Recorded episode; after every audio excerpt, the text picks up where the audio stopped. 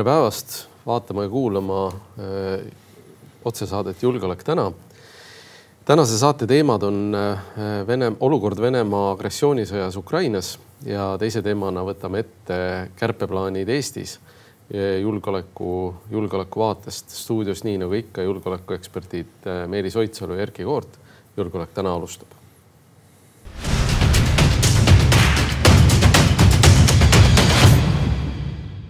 Lähme Ukraina juurde kohe. Äh, vasturünnak käib või ei käi. eile teatas äh, president Zelenskõi, et Ukraina on otsuse teinud vasturünnakule minna.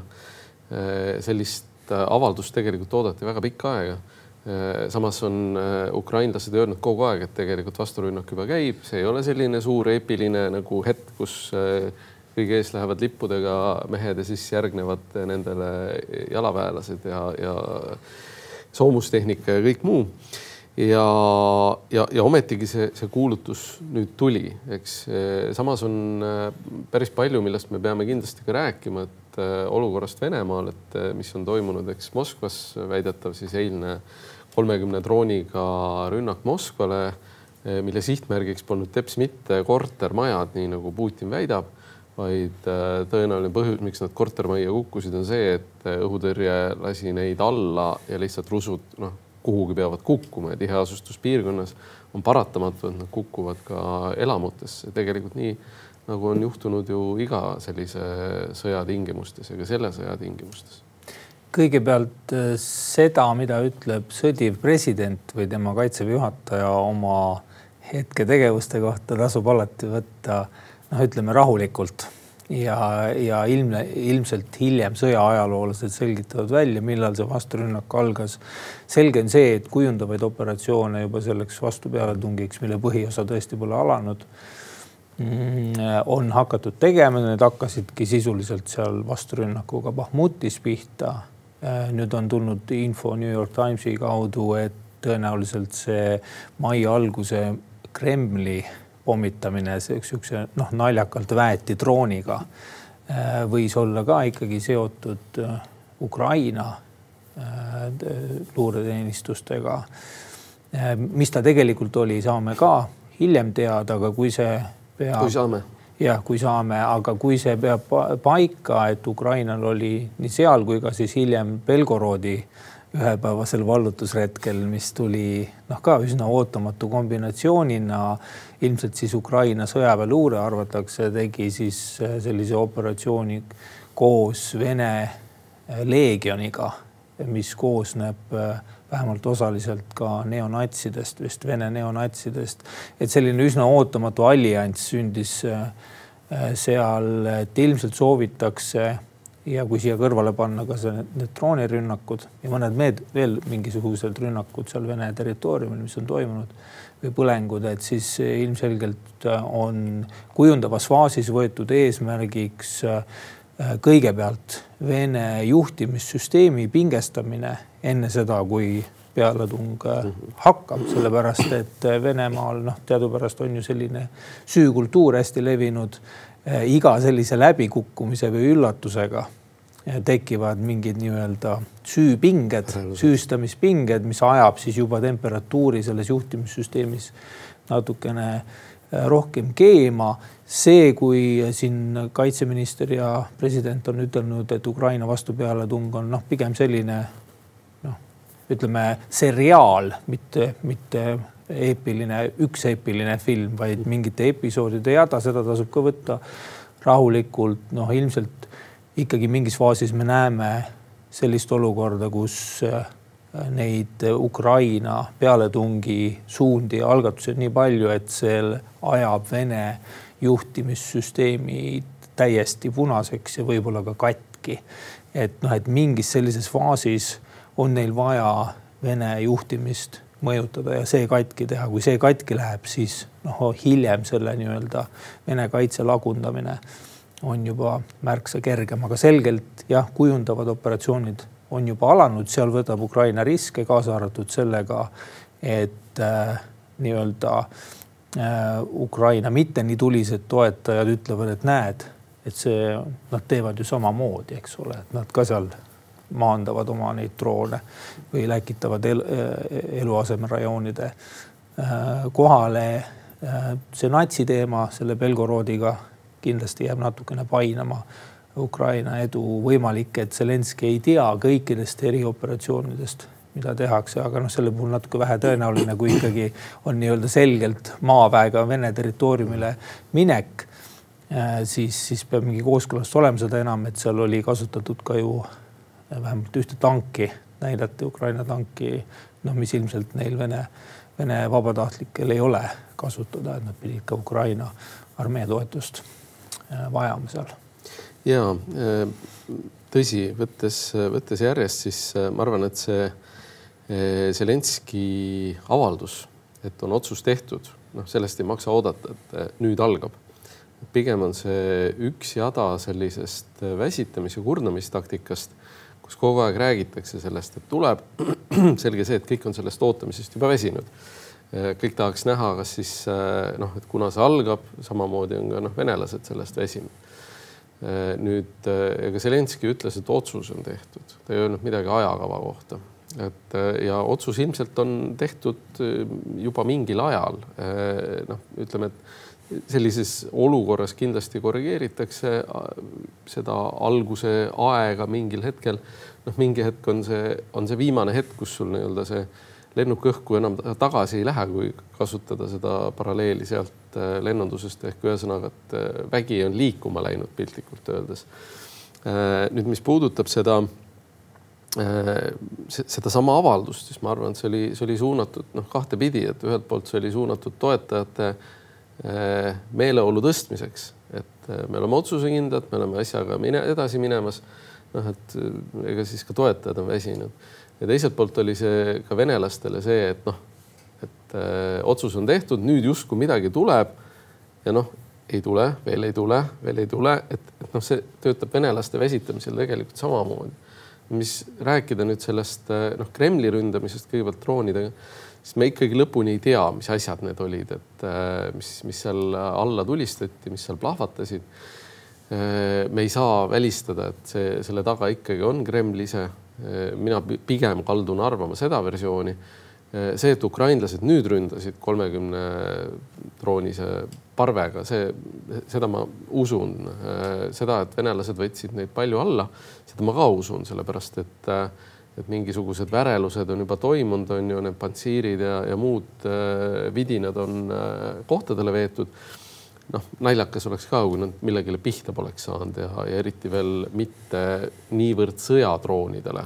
New York Times ka tegelikult ju ei ütelnud äh, faktiliselt, et Ukraina oli selle Kremli ründamise taga, vaid ütles, et Ukraina ametkonnas väga paljud arvavad, et seal oli Ukraina no. sellega seotud, aga seda, seda kõiki neid olukordi, noh, me saame reaalselt kuidagi analüüsida rahulikult ja tõenduspõhiselt võib-olla hiljem, kui siiski. ja me ei pruugi seda tõesti seda tegelikkust kunagi, kunagi teada saada Äh, küll aga see ei sega meid sellel teemal spekuleerimast. Äh, nüüd seesama Belgorodi rünnak, et äh, mina noh, ma olen ka täitsa veendunud, et Zelenskõi pidi teadma sellest, kui see ei olnud just isetegevus. Kui see oleks olnud isetegevus, siis kontrolli all väljunud väeosa oleks suure tõenäosusega demilitariseeritud Ukraina enda väe poolt. et sellist asja Ukraina ei saa endale lubada, et on mingisugused sõjapealikud, kes käivad äh, Äh, tegemas omatahtsi mingisuguseid asju ilma kooskõlastuseta. nii et äh, ma olen ka täitsa veendunud, et Ukraina poliitiline juhtkond teadis seda, andis heakskiidu. Äh, see, see üksused olid noh, tegelikult väga nutikalt valitud, eks, et needsamad Vene vabatahtlikud leegionid. tõsi, neid on seostatud hästi palju paremäärmuslusega noh, midagi ei ole teha, sõjatingimustes, nagu me teame, aga korduvalt selle sõja olukorras näinud oleme, lisaks aatelistele inimestele ühinevad nende siis kas vägede või selle toetamisega ka võib-olla mitte nii puhaste kasu, kavatsustega liiga, inimesed. liiga aatelised inimesed liiga aatelised en,, eneseaatelised inimesed ja, ja teiselt poolt kindlasti eh, satub sinna juurde ka äärmuslikema vaadetega inimesi ja, ja, ja see on, see on sõja paratamatus, et äh, ja, ja mõned äh, võib-olla tavaelus mitte hakkama saavad või, või tavaelus pahandustes olevad inimesed võivad osutuda sõjatingimustes kangelasteks. ühest küljest muidugi noh, muheleda selles sõjas ühegi olukorra üle ei ole väga sünnis, aga ikkagi nagu mõtlen ka natukene seda Putini peale, kes seda uudist luges, et, et kui ta ise on kogu aeg rääkinud, et Ukraina natsid ründavad ja järsku on Vene natsid, kes venelasi ründavad, et siis neil noh, võis ühel hetkel võis ka ütleme seal kommunikatsiooniosakonnas, kui selline asi seal olemas on, natukene segadus tekkida, et, et millega nad õigupoolest tegelevad seal Ukrainas. noh, muidugi, eks Putin ilmselt teab seda natsi olukorda Venemaal väga hästi, tulenevalt ka oma eriteenistuse taustast. oo oh, ja maru rahvuslased see... dikteerivad ka üsna palju äh, sisepoliitilise survega tegelikult Kremli otsuseid.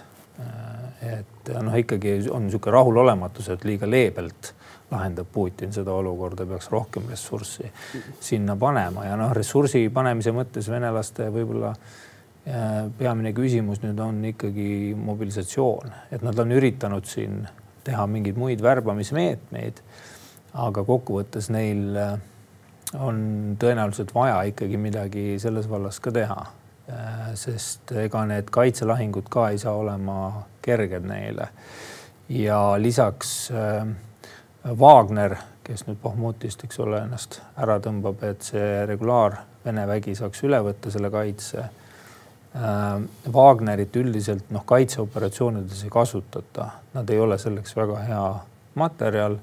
ja noh, Bahmuti dilemma või Bahmuti paradoks Ukraina jaoks ongi see, et kuigi seal kulutati Vene väge, siis seal kulutati väge, millega Venemaa tegelikult edasises nii-öelda kaitseoperatsioonis, kui Ukraina vastupealetungi hakkab tegema, niikuinii ei arvestanud. seal nüüd tulevad ja võtavad need nii-öelda regulaarväed üle äh, selle kaitse, et mõnes mõttes noh, Venemaa küll kaotas seal palju liha, aga ta kaotas enda jaoks nii sotsiaalselt, kui rääkida vangidest seal, kui ka, kui ka sõjaliselt siis nagu suhteliselt vähetähtsat äh, materjali.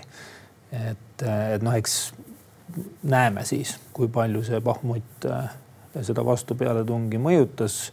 tõenäoliselt ka Ukraina poolelt mitte ülepäära palju, sellepärast et vastupealetungiks tehti eraldi värskeid brigaade ju siin kümmekond äh, juurde.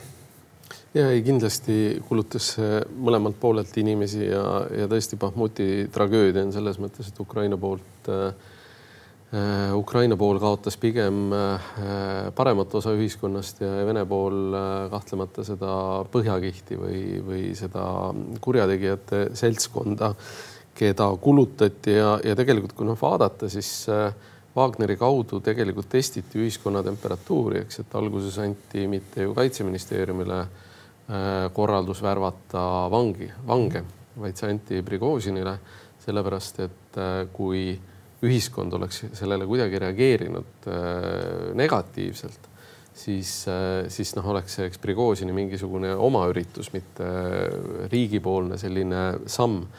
Äh, kuna ühiskond reageeris positiivselt sellele, et ega siis vangidest noh, polnud kellelgi kahju peale nende võib-olla enda pereliikmete siis, ähm, siis, siis see väga kiiresti tegelikult liikus üle see jäme ots kaitseministeeriumile kes on, on nüüd ka värvanud järjest vange. Äh, vangide probleem muidugi põhjustab päris palju sellele Vene ühiskonnale kannatusi ja põhjustab neid veel kümneid-kümneid aastaid. selles pole mitte mingit kahtlustki aga ma tulen korra selle Prigožini äh, soovi juurde veel, eks, et, äh, et lahkuda igal juhul Bahmutist, et ta tegelikult seal sügelema hakkas juba ju enne üheksandat maid ja võib-olla veelgi varem noh, on selge, et, et ega Prigožin ootab nii-öelda seda vastupealetungi. ja miks, miks siis äh, mitte olla olukorras, kus sa oled Bahmuti hõivanud, aga mitte selle kaotanud.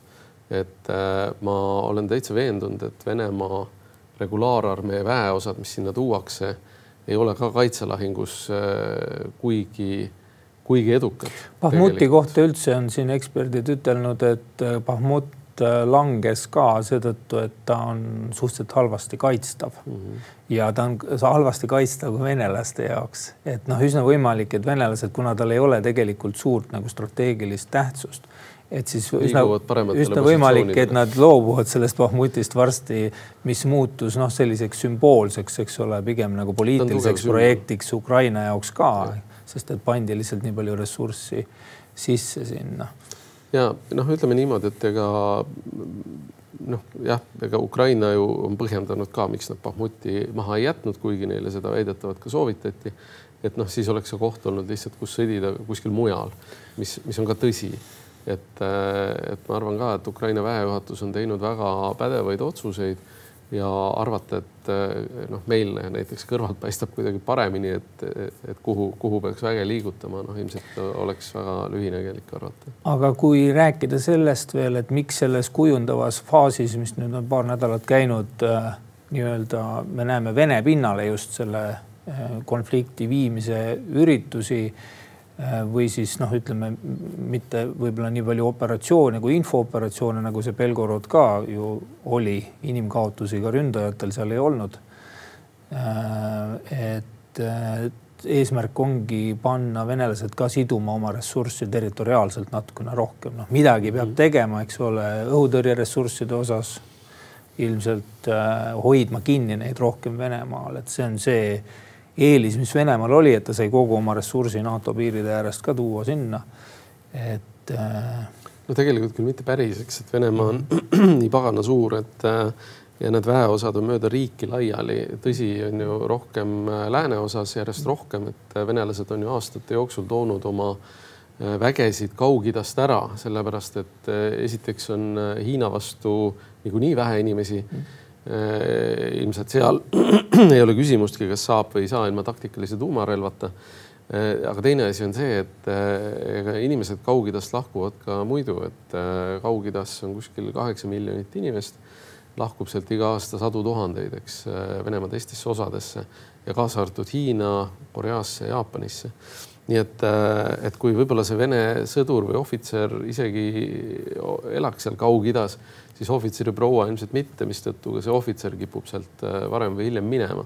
et venelastel ei ole ka väga häid väljavaateid seal tegelikult. aga, aga noh, jälle on ju tulles tagasi selle juurde, et, et äh, vaatamata sellele, et Venemaa territooriumi noh, me võime öelda, et praegu keegi peale Ukraina rünnata ei kavatse, siis Venemaa suurune riik või sugune riik ei saa endale lubada see, et ta toob kõik väeosad äh, täiesti tühjaks, mis tähendab, et kui sa jätad äh, niimoodi tuhat inimest siia, tuhat sinna, siis neid tuhandeid on sul nii palju, et sa, sa lihtsalt ei saa neid kohti tühjaks tuua, et sa võid proovida asendada, eks professionaalsemalt. jah, iseasi, kas, kas see personal, kes sinna jääb ilma noh, ilmselt olulisema toetava relvastuseta, sest see on kõik rindel, noh midagi nii-öelda väärt on, et see, see, see on teine teema, aga kui nüüd vaadata veel selle suve pealetungi peale nüüd kevadpealetungist pole enam sünnis rääkida. et äh, siis võib-olla, mida on vaja läänel ka, on ikkagi häälestada ennast järgmisele aastale. et ja, ja kuidas tagada siis valmidus äh, ikkagi äh, sõda, kaitsesõda ka eeldatavalt jätkata, sellepärast et isegi kui see aasta peaks üle ootuste hästi minema Ukrainale, ega see sõja lõppu ei tähenda. venelased on need, kes, eks ole, otsustavad, millal nad selle äh, absurdse agressiooni äh, ära lõpetavad ja, ja no selle, nende nagu arusaamise mõjutamiseks täna veel piisavalt tehtud ei ole, nagu näha.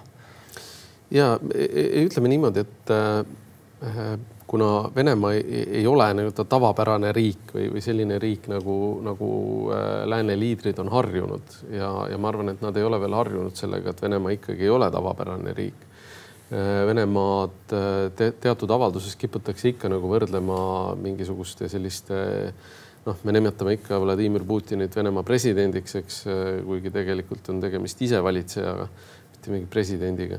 ja, ja, ja noh, kõik muud need asjad sinna peale, et, et Venemaad toimeloogikat, tema võimet ressursse paisata kuni noh, päris viimase meheni, eks Ukrainasse Äh, ei, ei maksa sugugi alahinnata seda tahet, et, et üks moment, kui nad on olukorras, kus nad peavadki kõik äh, baasid Vladivostokist äh, Kaliningradini tühja või vabandust, Königsbergini tühjaks vedama, eks siis noh, see, see, see võib täitsa olla reaalne stsenaarium.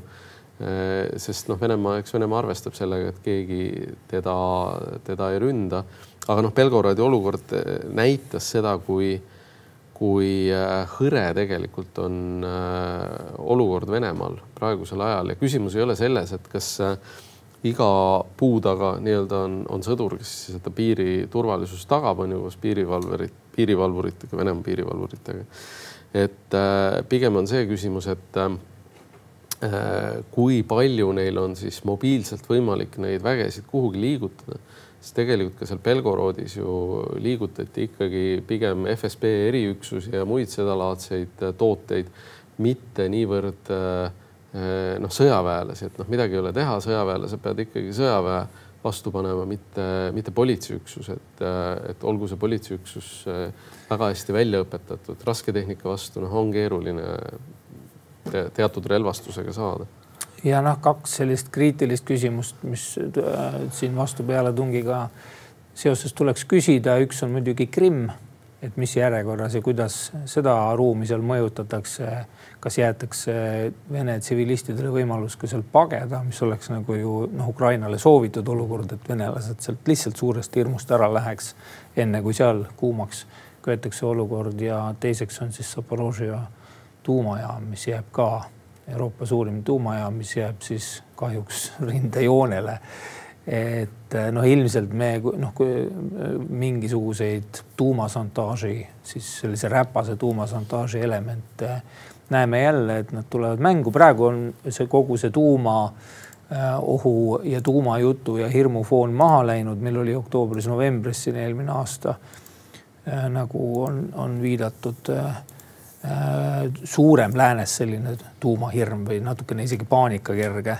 et mhm. see on nüüd üle läinud, aga siin ka eksperdid arvavad, et see võib tulla tagasi ja võib tulla tagasi siis äh, noh, sel ajal, kui USA-s juba mõeldakse üha rohkem presidendi valimiste peale. no seda tuumahirmu on eks aidanud süvendada ka tuumarelvade paigutamine Valgevenesse.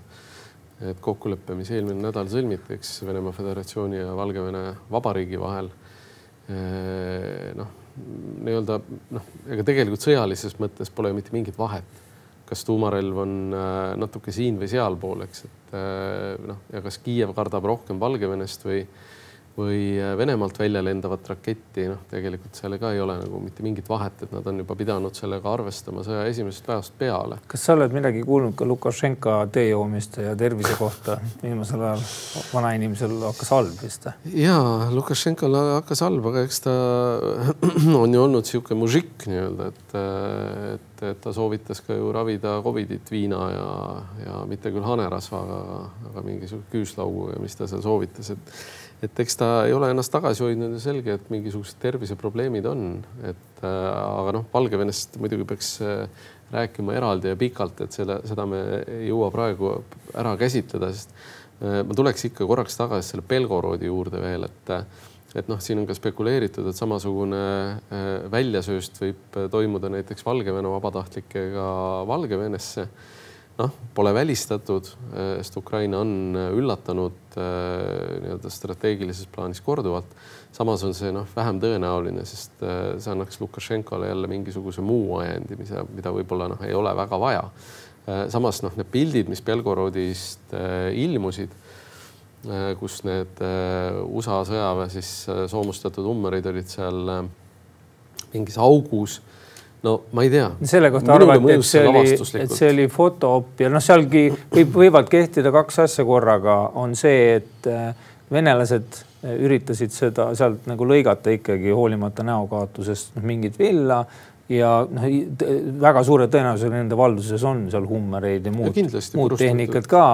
ja selle pilti ei seal analüüsinud ajakirjanikud on ka tõdenud, et et avarii on, aga pidurdusjälgi ei ole. liiga puhas, liiga on, puhas. et on nii-öelda paika tõstetud need, need autod sinna, kui neid fotosid vaadata, siis tõesti jääb selline mulje järjekordselt, et see, ütleme, lavakunstnike osakond seal Kremlis, et nende see koolkond on kuidagi alla käinud, et nad ei suuda oma neid. Eriefekte väga seal tuunida. See on, see on tõsi, aga et ühesõnaga ka selle Belgorodi kontekstis noh, oli venelastel kindlasti oluline näidata, et Ameerika sõjatehnikat kasutati, see purustati, mis peaks andma oma inimestele siis seda sõnumit, et näete, natsid küll tulid, aga me saime ikkagi, võitsime, meie saime ikkagi hakkama. Ja et pole need Ameerika sõjamasinad nii kõvad midagi, onju, noh, kuigi tegemist oli äh, soomustatud äh, siis maasturiga, mitte, mitte isegi mingisuguse soomus, soomuki või, või veel vähem tankiga.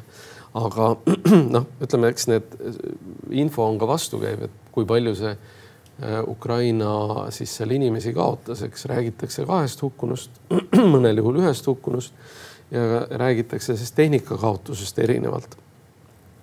aga põnev saab see suvi igatahes olema selles mõttes, et Äh, kindlasti neid üllatusi tuleb veel, eks, et see kasvõi seesama luurelaeva ründamine. kas selliseid kummalisi sündmusi, nagu me oleme siin olnud, need kum-, nende sündmuste kummalisus ongi nende taotluslik efekt, et ajada segadusse, tekitada noh, võimalikult erinevaid probleeme, erinevaid pingeid Vene süsteemis ka ja tekitada seda vajadust, et kuskil on vaja alati midagi varuks hoida, sellepärast et tuleb jälle mingi kummaline väike operatsioon, millel on hästi suur nähtavus ja võib-olla ka moraalne mõju ja mis tekitab uusi küsimusi ka Vene elanikus, eks ole, kes, kellele on siis räägitud, et see on ikkagi nii-öelda distantsilt toimuv konflikt, mitte, mitte nagu päris sõda ja eks Vene propaganda on seda tegelikult noh, valet levitanud ju väga pikka aega ja, ja no üks, üks moment tekib see eh, noh, vähemalt mingis osas ühiskonnas tekib see segadus, et oota, mis nüüd on tõde, mis nüüd ei ole tõde, sellepärast et sa ei suuda enam absoluutselt eristada eh, selles infovoos ja, ja osal ühiskonnast on see probleem. küsimus on selles, et kui häälekas see ühiskonna osa on praegu tundub, et pigem mitte killustunud ja, ja mitte organiseerunud. aga noh, ma olen ikkagi seda meelt, et, et Venemaa äh, ladvik, nimetame siis seda ladvikut äh,, oligarhid äh,, kõrgemad äh, ametnikud, äh, mõjuisikud. on olemas. on olemas selline sõna, väga veen. aga ma hõivaks sellesse samasse ladvikusse ka ikkagi äh, naasvad mitte, mitte isegi kindralid, vaid ütleme seal äh, polkovniku ja, ja altpoolt auastmes, et äh, üks, üks moment äh, tunnetab see, see kiht ene, enesepetmist. Ja, ja siis on küsimus, noh, mis saab edasi, kas saab midagi edasi või, või tegelikult, sest noh, riiki pööravad ikkagi enamasti kolonelid, mitte, mitte niivõrd kindralid aga, aga nagu öeldud, saate alguses Zelenskõi on hõiganud välja, et otsus on tehtud, kuna see otsus realiseerub. Eh, eks me seda, seda saame siin eh, võib-olla peatselt näha, aga tõmbame selle teema kokku ja, ja vahetame teemat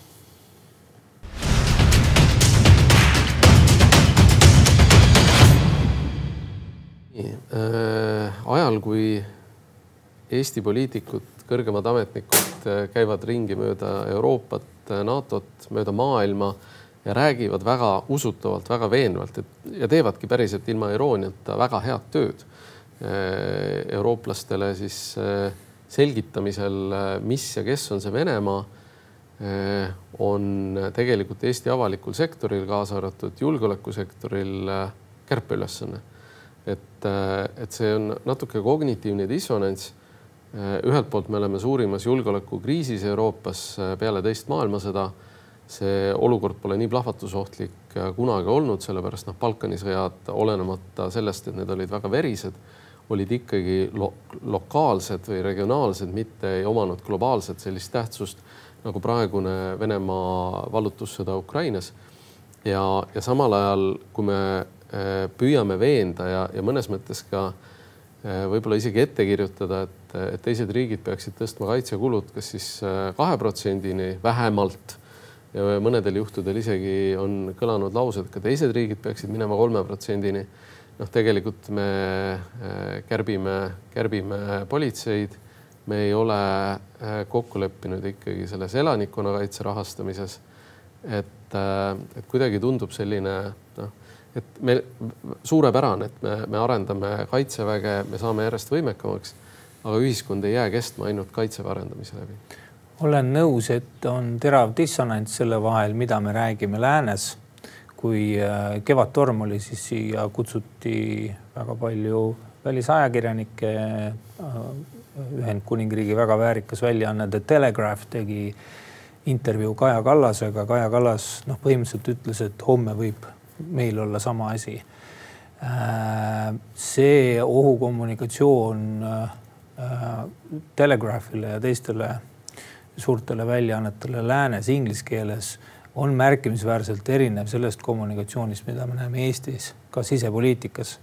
et kui äh, läks koalitsioonikõnelusteks, siis kõik need asjad, mida siseminister Läänemets ka tänuväärselt valimiste eel noh, ikkagi üritas suureks rääkida, see elanikkonnakaitse teema mm. -hmm. näiteks, äh, et need kuidagi hajusid ära. Nüüd, kui me vaatame Vabariigi Valitsuse tegevusprogrammi, siis äh, noh, need read ei ole kuigi nagu innustavad seal mida me sealt leiame. hea küll, Läänemets ütles siin stuudios kahekümne kuuendal aprillil ka, kui ta käis Karno juures närviproovis, et äh, püsirahastus on olemas, aga milleks seda nagu rahastust kulutada, ehk siis nii-öelda elanikkonnakaitse arengukava kui sellist ei ole, teekaarti ei ole, on äh, vist nüüd pingete lahendamiseks Riigikantselei ja siseministeeriumi vahel ka, kus need arusaamad üldse elanikkonnakaitse nii-öelda ülesannete jaotusest ja, ja rahastamisest ei ole võib-olla veel noh, väga paika saanud.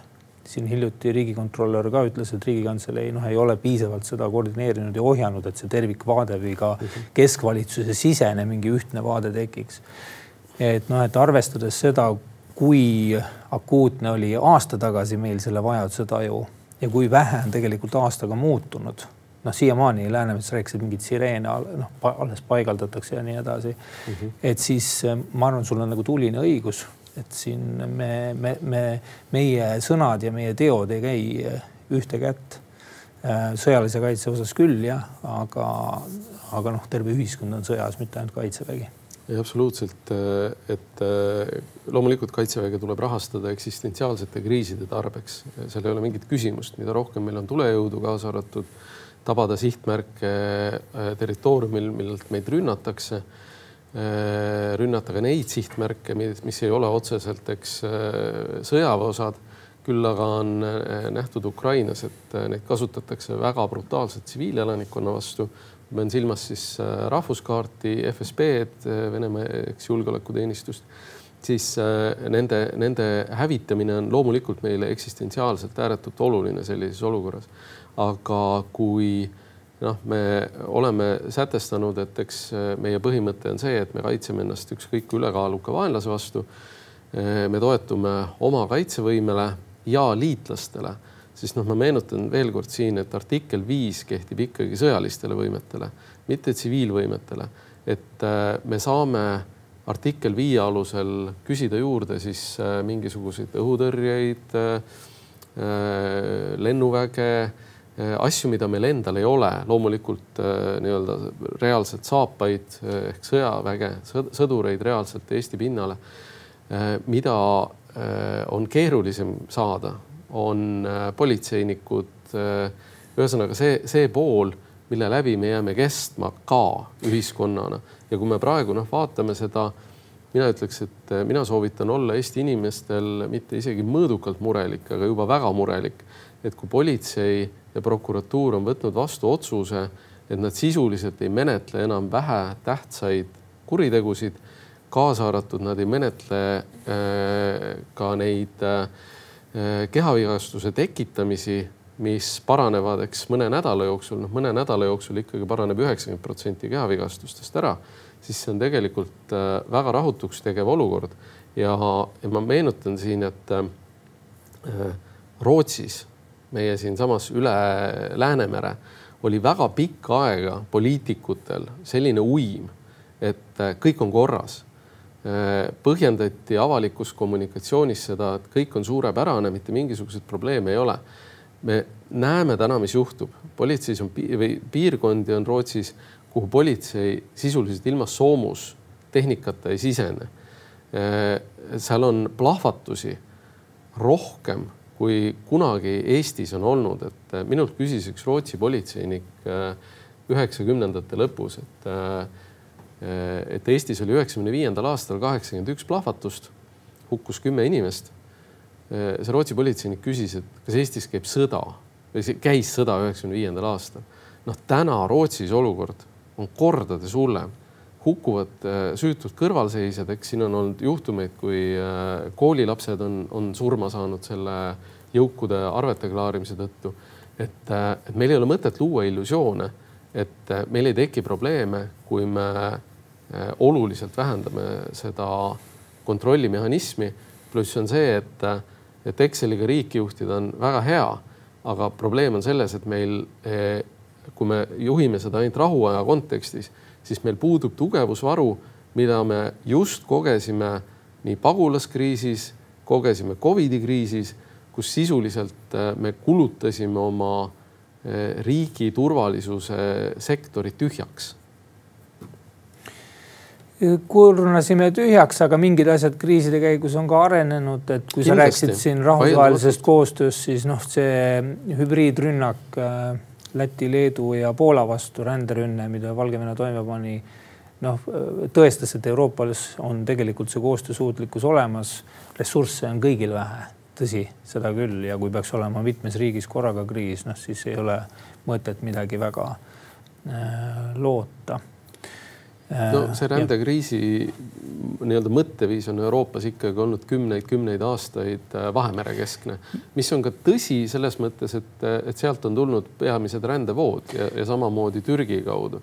aga noh, ütleme see, mida me nägime nüüd sinu viidatud, eks see Valgevene piirikriis ja tegelikult ka varasemalt on ju Venemaa korraldatud migrantide vood Soome, Norra, siis noh, see sundis ümber orienteeruma ka Euroopa riike, on ju Frontexi äh, piiri- ja rannikuvalveagentuuri, et see äh, idapiir on jõudnud teadvusesse, sest siin ei ole vaja paati erinevalt mm. Vahemerest, sest Vahemeres ikkagi see paat, noh, nad ka noh, rannik on pikk, aga, aga noh, paat tuleb kaldale, aga. ja Vahemeres on ka olnud, eks ole, Eesti oma laevadega kohal. laevade, lennukitega. selle, selle probleemi lahendamisse panustada Covidi ajal, kui rääkida veel positiivsetest arengutest mitte ainult vinguda nagu jutusaadetes kombeks, et siis Covidi ajal tehti Eestis varude keskus. tõsi on see, et kõik asutused äh, ei tea, et neil on endal ka varustamise äh, ja varumise kohustus äh, olemas ja mulle üldiselt tundubki nii, et kuigi siin äh, Riigikantselei on teinud ka